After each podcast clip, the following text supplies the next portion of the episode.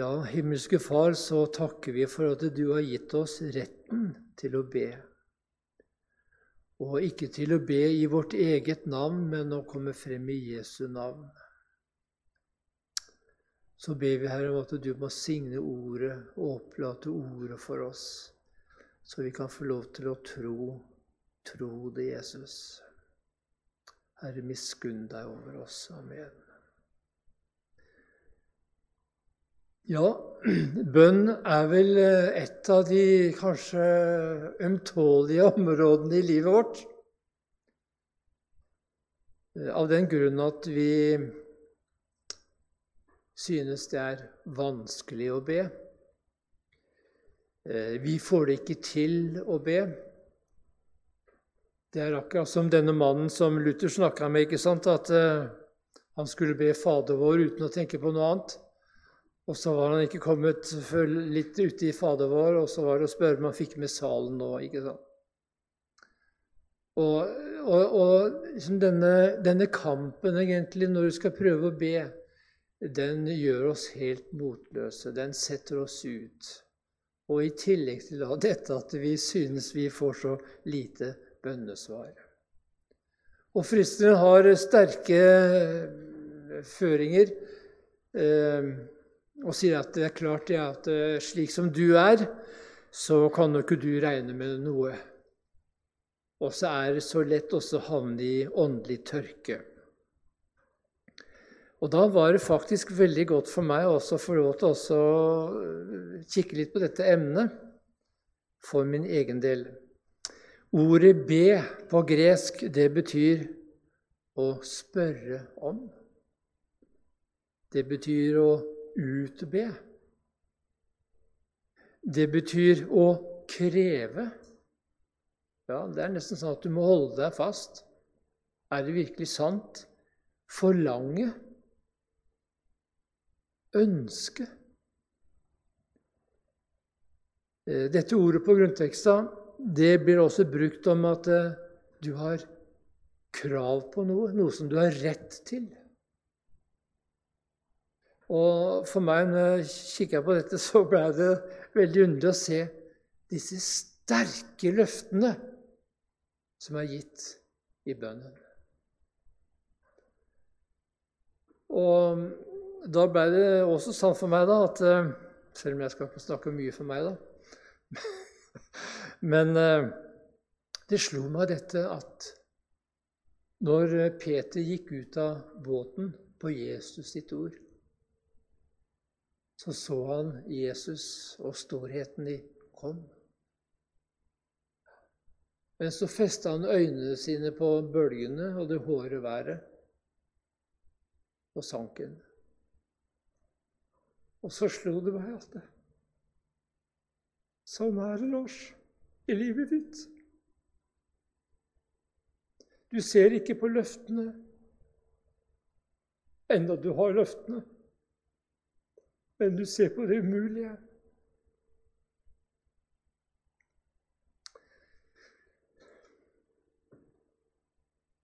Og Derfor så ble det så stort på nytt igjen å få lov til å gå gjennom disse. Vi skal slå opp i Matteus, Matteus 21, 22. Der ser vi eh, denne storheten, denne rikdommen i dette også spørre om. Og alt det dere spør meg om, altså alt det dere ber, ber om med tro i deres bønn, det skal dere få. Tenk at det er et løfte fra Jesu egen munn. Det er så stort og så sterkt. Vi kan gå til Matteus 7, ikke sant? Bare for å eh, understreke dette, hvor, hvor sterkt det står. Matteus 7, 7. Be, så skal dere gis.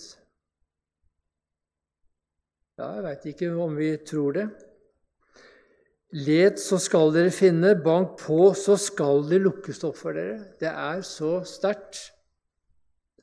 For hver den som ber, han får, og den som leter, han finner, og den som banker på, for ham skal det lukkes opp. Og Leser vi videre, så ser vi det at eh, vers 9.: Eller hvilket menneske blant dere som vel vil gi vel som vil gi sin sønn en sten når han ber om brød, eller vil gi han en orm når han ber om en fisk, dersom da dere som er onde, vet å gi deres barn gode gaver, hvor meget mere skal da deres Far i himmelen gi dem gode gaver som ber ham? Det er eh, sterke ord. Det er sterke ord. Vi har i, bare tatt fram fra Lukas, Lukas 11.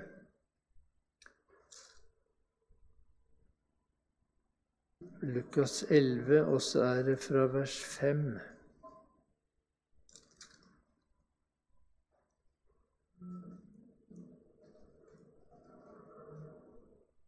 Skal vi se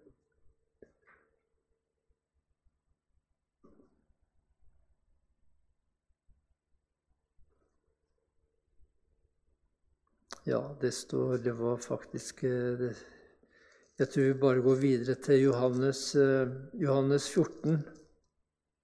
Johannes evangeliet 14.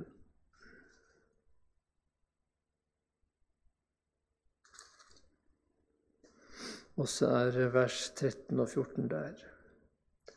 Hva som helst dere ber om i mitt navn, det vil jeg gjøre, for at Faderen skal bli herliggjort i Sønnen.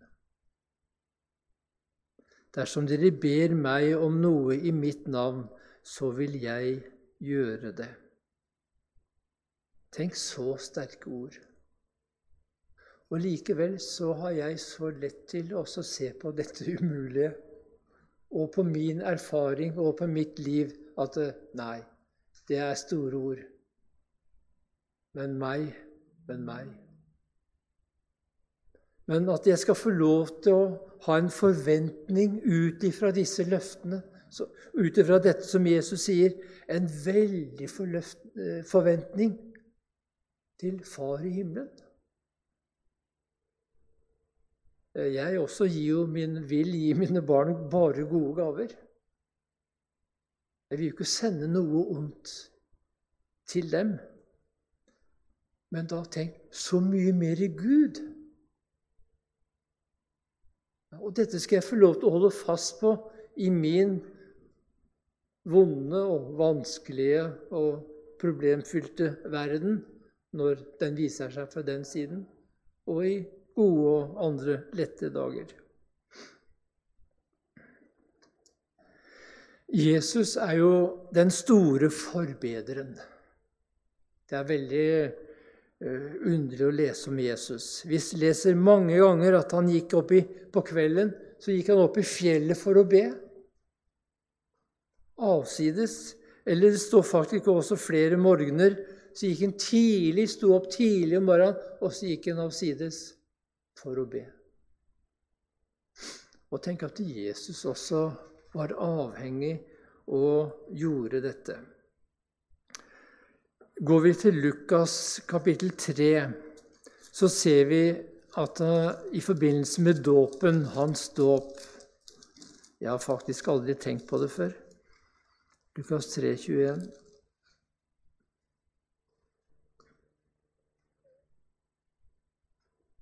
Men, da, men det skjedde da alt folket lot seg døpe, og Jesus var blitt døpt, og ba, står det. Da åpnet himmelen seg. Ehm, vi skal bare se noen henvisninger at når det var eh, store begivenheter, større anledninger i Jesus sitt liv, så ser vi da at Jesus ba. Her ved dåpen. Vi går til kapittel 6, Lukas 6 og vers 12. Og det skjedde i de dager at han gikk opp i fjellet for å be, og var der hele natten i bønn til Gud. Og vers 13, og da det ble dag, kalte han sine disipler til seg, og han utvalgte seg de tolv og ga dem navnet sånn og sånn. Så vi ser at det, I større anledninger og begivenheter så var ikke Jesus han selvstendig og selvrådende, men han hadde en far i himmelen. Og så utløste han hjertet sitt. Det står ikke noe om hva han ba om, men han utløste hjertet sitt for sin far og snakket med ham. Han levde i et fortrolig forhold til sin far. Skal vi gå til Lukas 9, 28?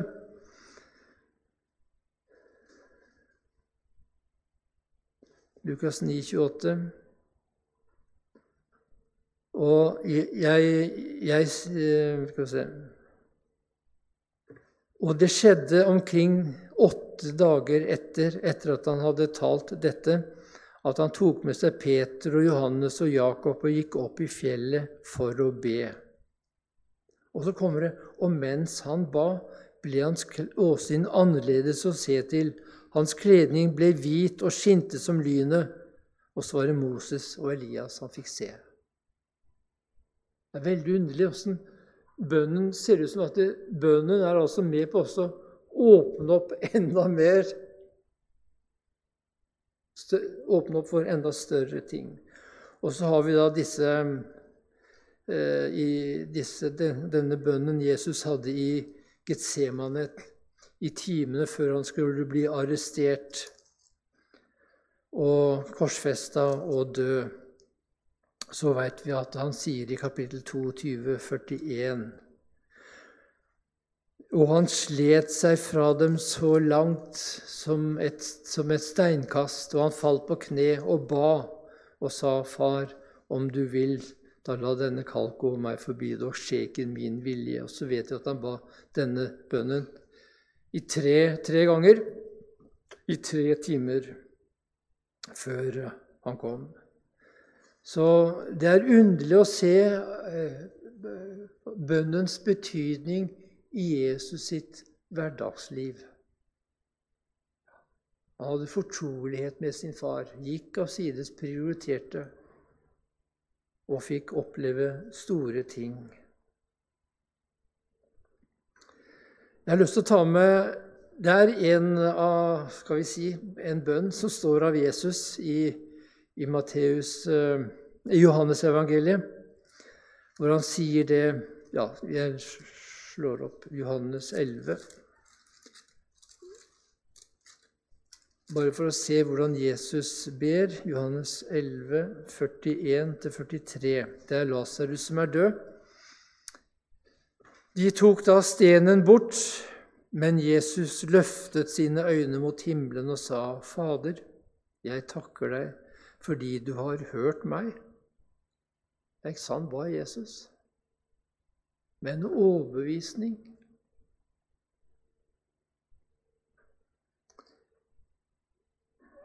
Jeg visste jo at du alltid hører meg, men for folkets skyld som står omkring, sa jeg det, for at de skal tro at du har utsendt meg. Han takker Gud. Og det er ut ifra løftene. Ut ifra løftene så gjorde han det. Og Derfor så tenker jeg at her ser vi eh, at vi, også, vi skal få lov til å ha den Guds barn. De kristne skal få lov til å ha denne samme forventningen til Gud i himmelen som det Jesus hadde. Det betyr jo ikke det at Jesus ble spart for alle problemer og vanskeligheter. Det var jo ingen som ble prøvd på noen måte som Jesus. Ingen som fikk sann motgang som Jesus. Men han gikk til far med det, og han levde i fortrolig forhold til far. Og så ser vi jo fra når han ba i Getsemen, at en engel kom ned og styrket ham.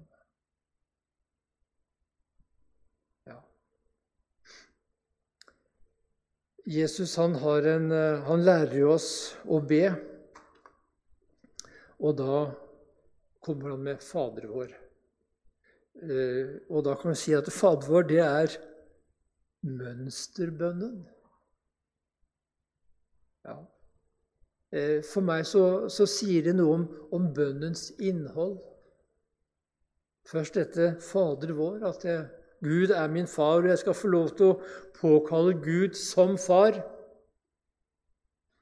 Og så kommer det videre ikke sant, om eh, Fader vår, du som er i himmelen, helliget vorde ditt navn.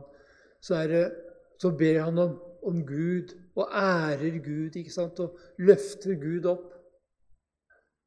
Og så tenker jeg sånn skal vi få lov til å gjøre når vi ber med våre ord. At jeg skal få lov til å ære og prise og løfte Gud opp, slik som jeg leser om Gud i, i Bibelen om den store, evige, nådige, miskunnelige Gud. Og så ser vi jo det at, eh, at vi blir eh, lært Vi blir lært uh, om å be om syndenes forlatelse. Så du skal få gjøre det med stor frimodighet. Selv om det er eh, samme synd igjen for tusende gang så skal du få lov til å be 'Forlat meg min synd'. Det er en bønn Jesus har lært oss å be. Og vi skal også få lov til å be om å ikke bli ledet inn i fristelse. Og vi skal få lov til å be om det daglige brød, det daglige behov som vi trenger.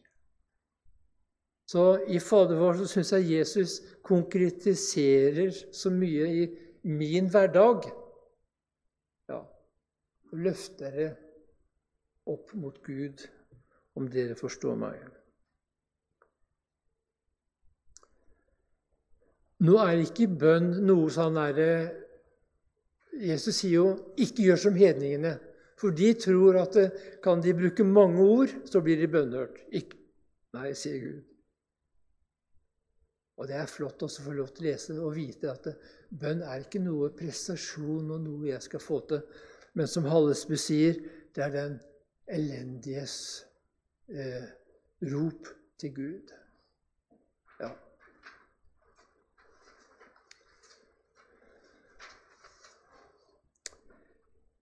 Ja. ja.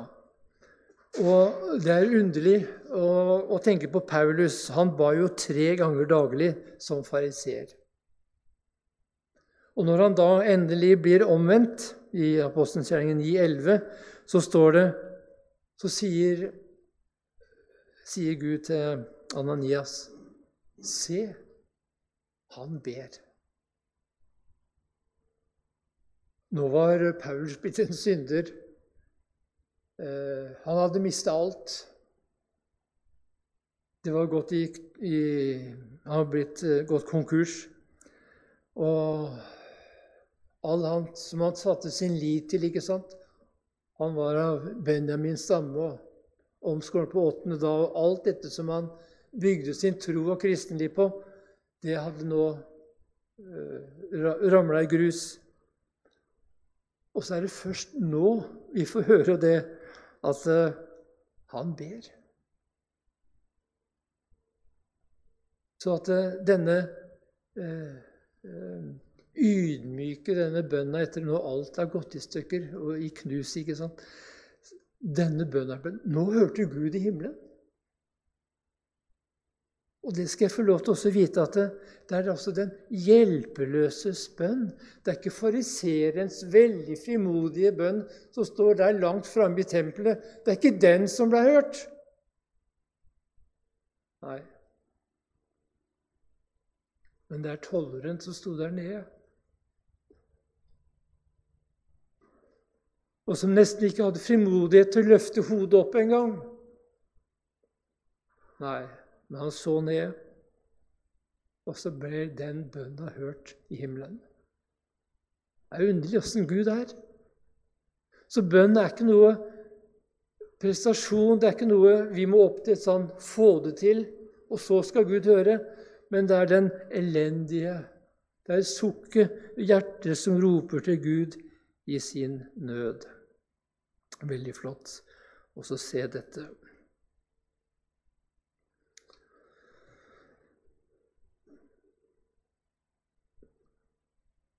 En annen ting som eh, eh, jeg syns ble veldig fint i forbindelse med dette, det er fra Johannes' åpenbaring. Veit du hva? Der er altså Johannes på øya Patmos, og så får han se noe. Han får se mye, da, men han får se de helliges bønner. Han får se de helliges bønner. Eh, vi må slå opp der sånn. og så skal vi, Du har sikkert lest det mange ganger, og, og sånn, men uh, vi, vi, vi, tar det en gang til. Åpenbaringen 8, vers 3. Og en annen engel kom og sto ved alteret, og han hadde et røkelsekar av gull, og det ble gitt ham meget røkelse. Og så legg merke til setningen som kommer. For at han skulle legge den til alle de helliges bønner på gullalteret. Er ikke det underlig? At alle de helliges bønner blir samlet på gullalteret i himmelen. Og Så kommer en, en engel med røkelse og legger til denne, disse, alle disse bønnene. Og så stiger det opp for Gud en nydelig, velbehagelig duft. Tenk at det slik ser Gud på de helliges bønner. Er ikke det underlig? Og her kjenner vi så veldig fattigdom, nød, åndelighet. Og så ser vi at bønnene når opp til gullalteret. Så med røken og så stiger det opp som en velbehagelig duft for Gud. Ja. Derfor mist ikke motet med å, å be. Nei, det, det stiger opp for Gud. Det var litt om bønn, og så vil jeg bare ta med litt om bønnemøter. Da går vi til apostelens gjerninger, kapittel 1 eh, først.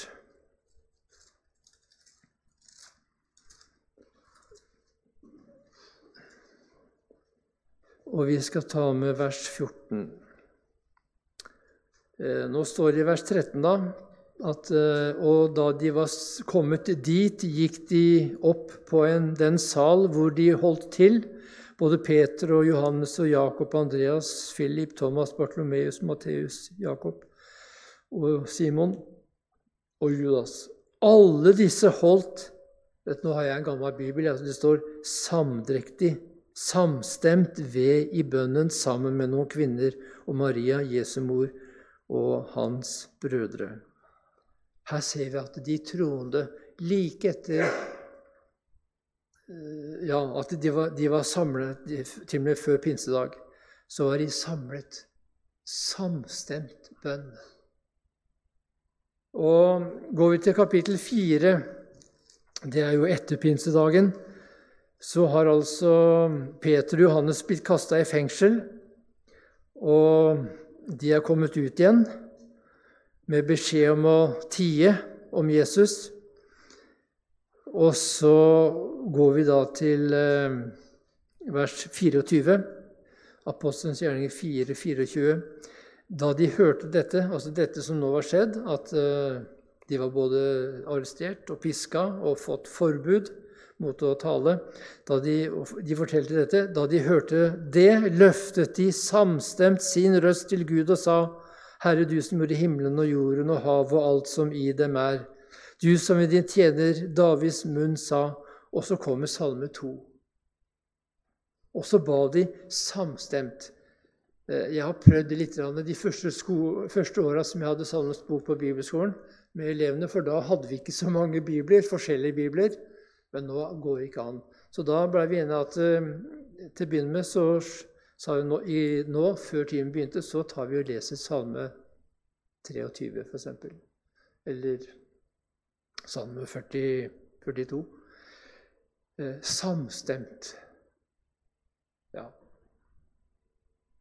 Og når vi I forrige time så, så vi på det at eh, i menighetene så oppfordrer Paulus menighetene, både Efesus og kolosserne, til også fra Salmenes bok. Åndelige viser og lovsanger og salmer. Å bruke Salmenes bok. For hva er det egentlig Salmenes bok taler om? Jo, de har et tvet... Ikke De har to, eh, to ting. Et dobbelt. Og det første det er jo det at, som Jesus sier, at salmene taler om meg.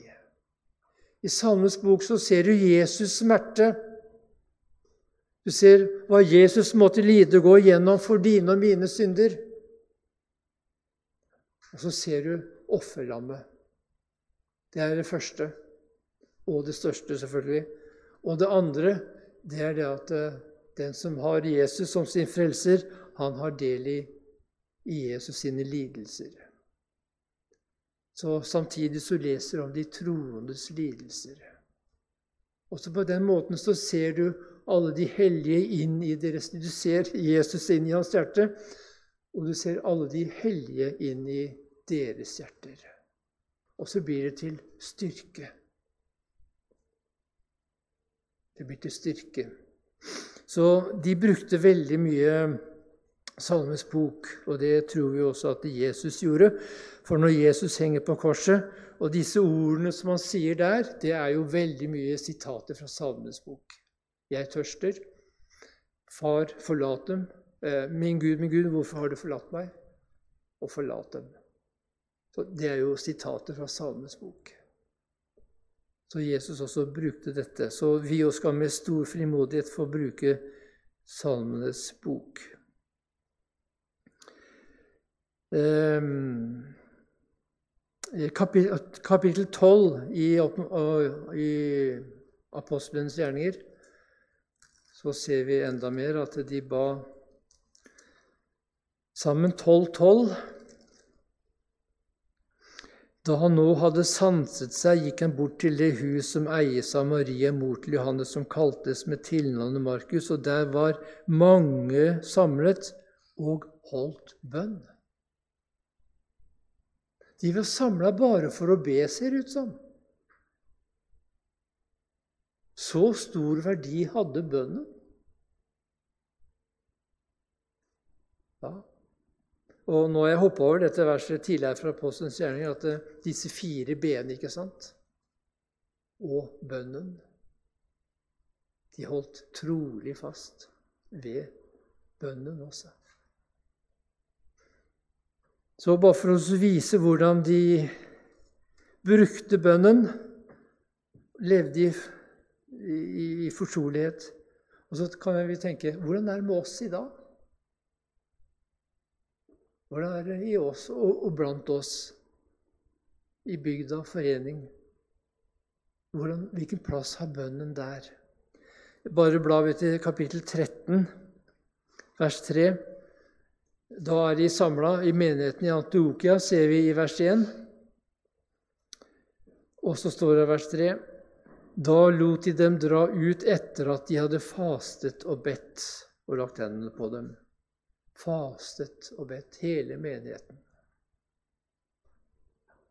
overfor dette store misjonsprosjektet. Ja, da skal jeg bare ta med at uh, løftet om bønnhørelse, det er ubegrenset. Alt, Vi leste alt det dere ber Far om i mitt navn, det skal jeg gi dere. Vilkåret for bønnhørelse, det er at vi ber i Jesu navn. Ja, Så må jeg bare nevne dette at det å leve i synd, det hindrer bønn. Det å be egoistisk, selvfølgelig, Slike bønner blir ikke hørt. Ber jeg for å øde de mine lyster, som Jakob skriver om, så blir det ikke hørt.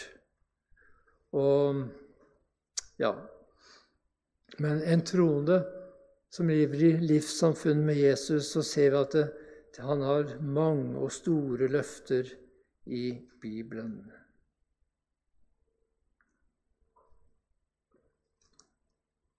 Nå sa jeg til slutt, vet du, men jeg hadde visst mer på pianoet her, eller lappen. Jeg har lyst til å ta med et eksempel helt til slutt. da. Det var ei kvinne i Gammeltestamentet som hadde fått en sønn gjennom profetens forbønn. Sønnen døde.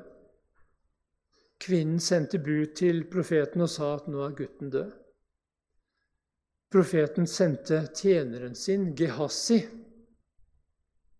i forveien. Nei, sa kvinnen. Jeg blir ikke med tilbake uten at du blir med. Så måtte altså profeten Elias, Elisa bli med. Så sprang Gehassi i forveien. Veldig underlig å lese dette her. Og han lå i andre etasje opp trappa og inn. Og så la vel, var ikke staven eller Han la over uh, gutten. Skjedde ingenting. Springer tilbake til profeten, sier de er og møter dem på veien. Så skjedde ingenting. Så går profeten. Etterlater både eh, mora og tjeneren. Han går opp trappene. Lukker døra, står det faller på kne og ber til Gud. Det hadde ikke Gehazi tid til. Og så tenker jeg, er det slik i livet ditt og mitt? At vi er blitt så opptatte, travle, eller så liten tro på bønnen og samfunnet med Gud at vi hopper over det, og så skjer ingenting. Men tenk at Profeten han stengte døra. Han bøyde sine knær. Han ropte til Gud. Så la han seg over gutten, og så fikk gutten liv igjen. Det er noe til ettertanke for oss. Er vi blitt så overfladiske at vi har ikke tid til å be?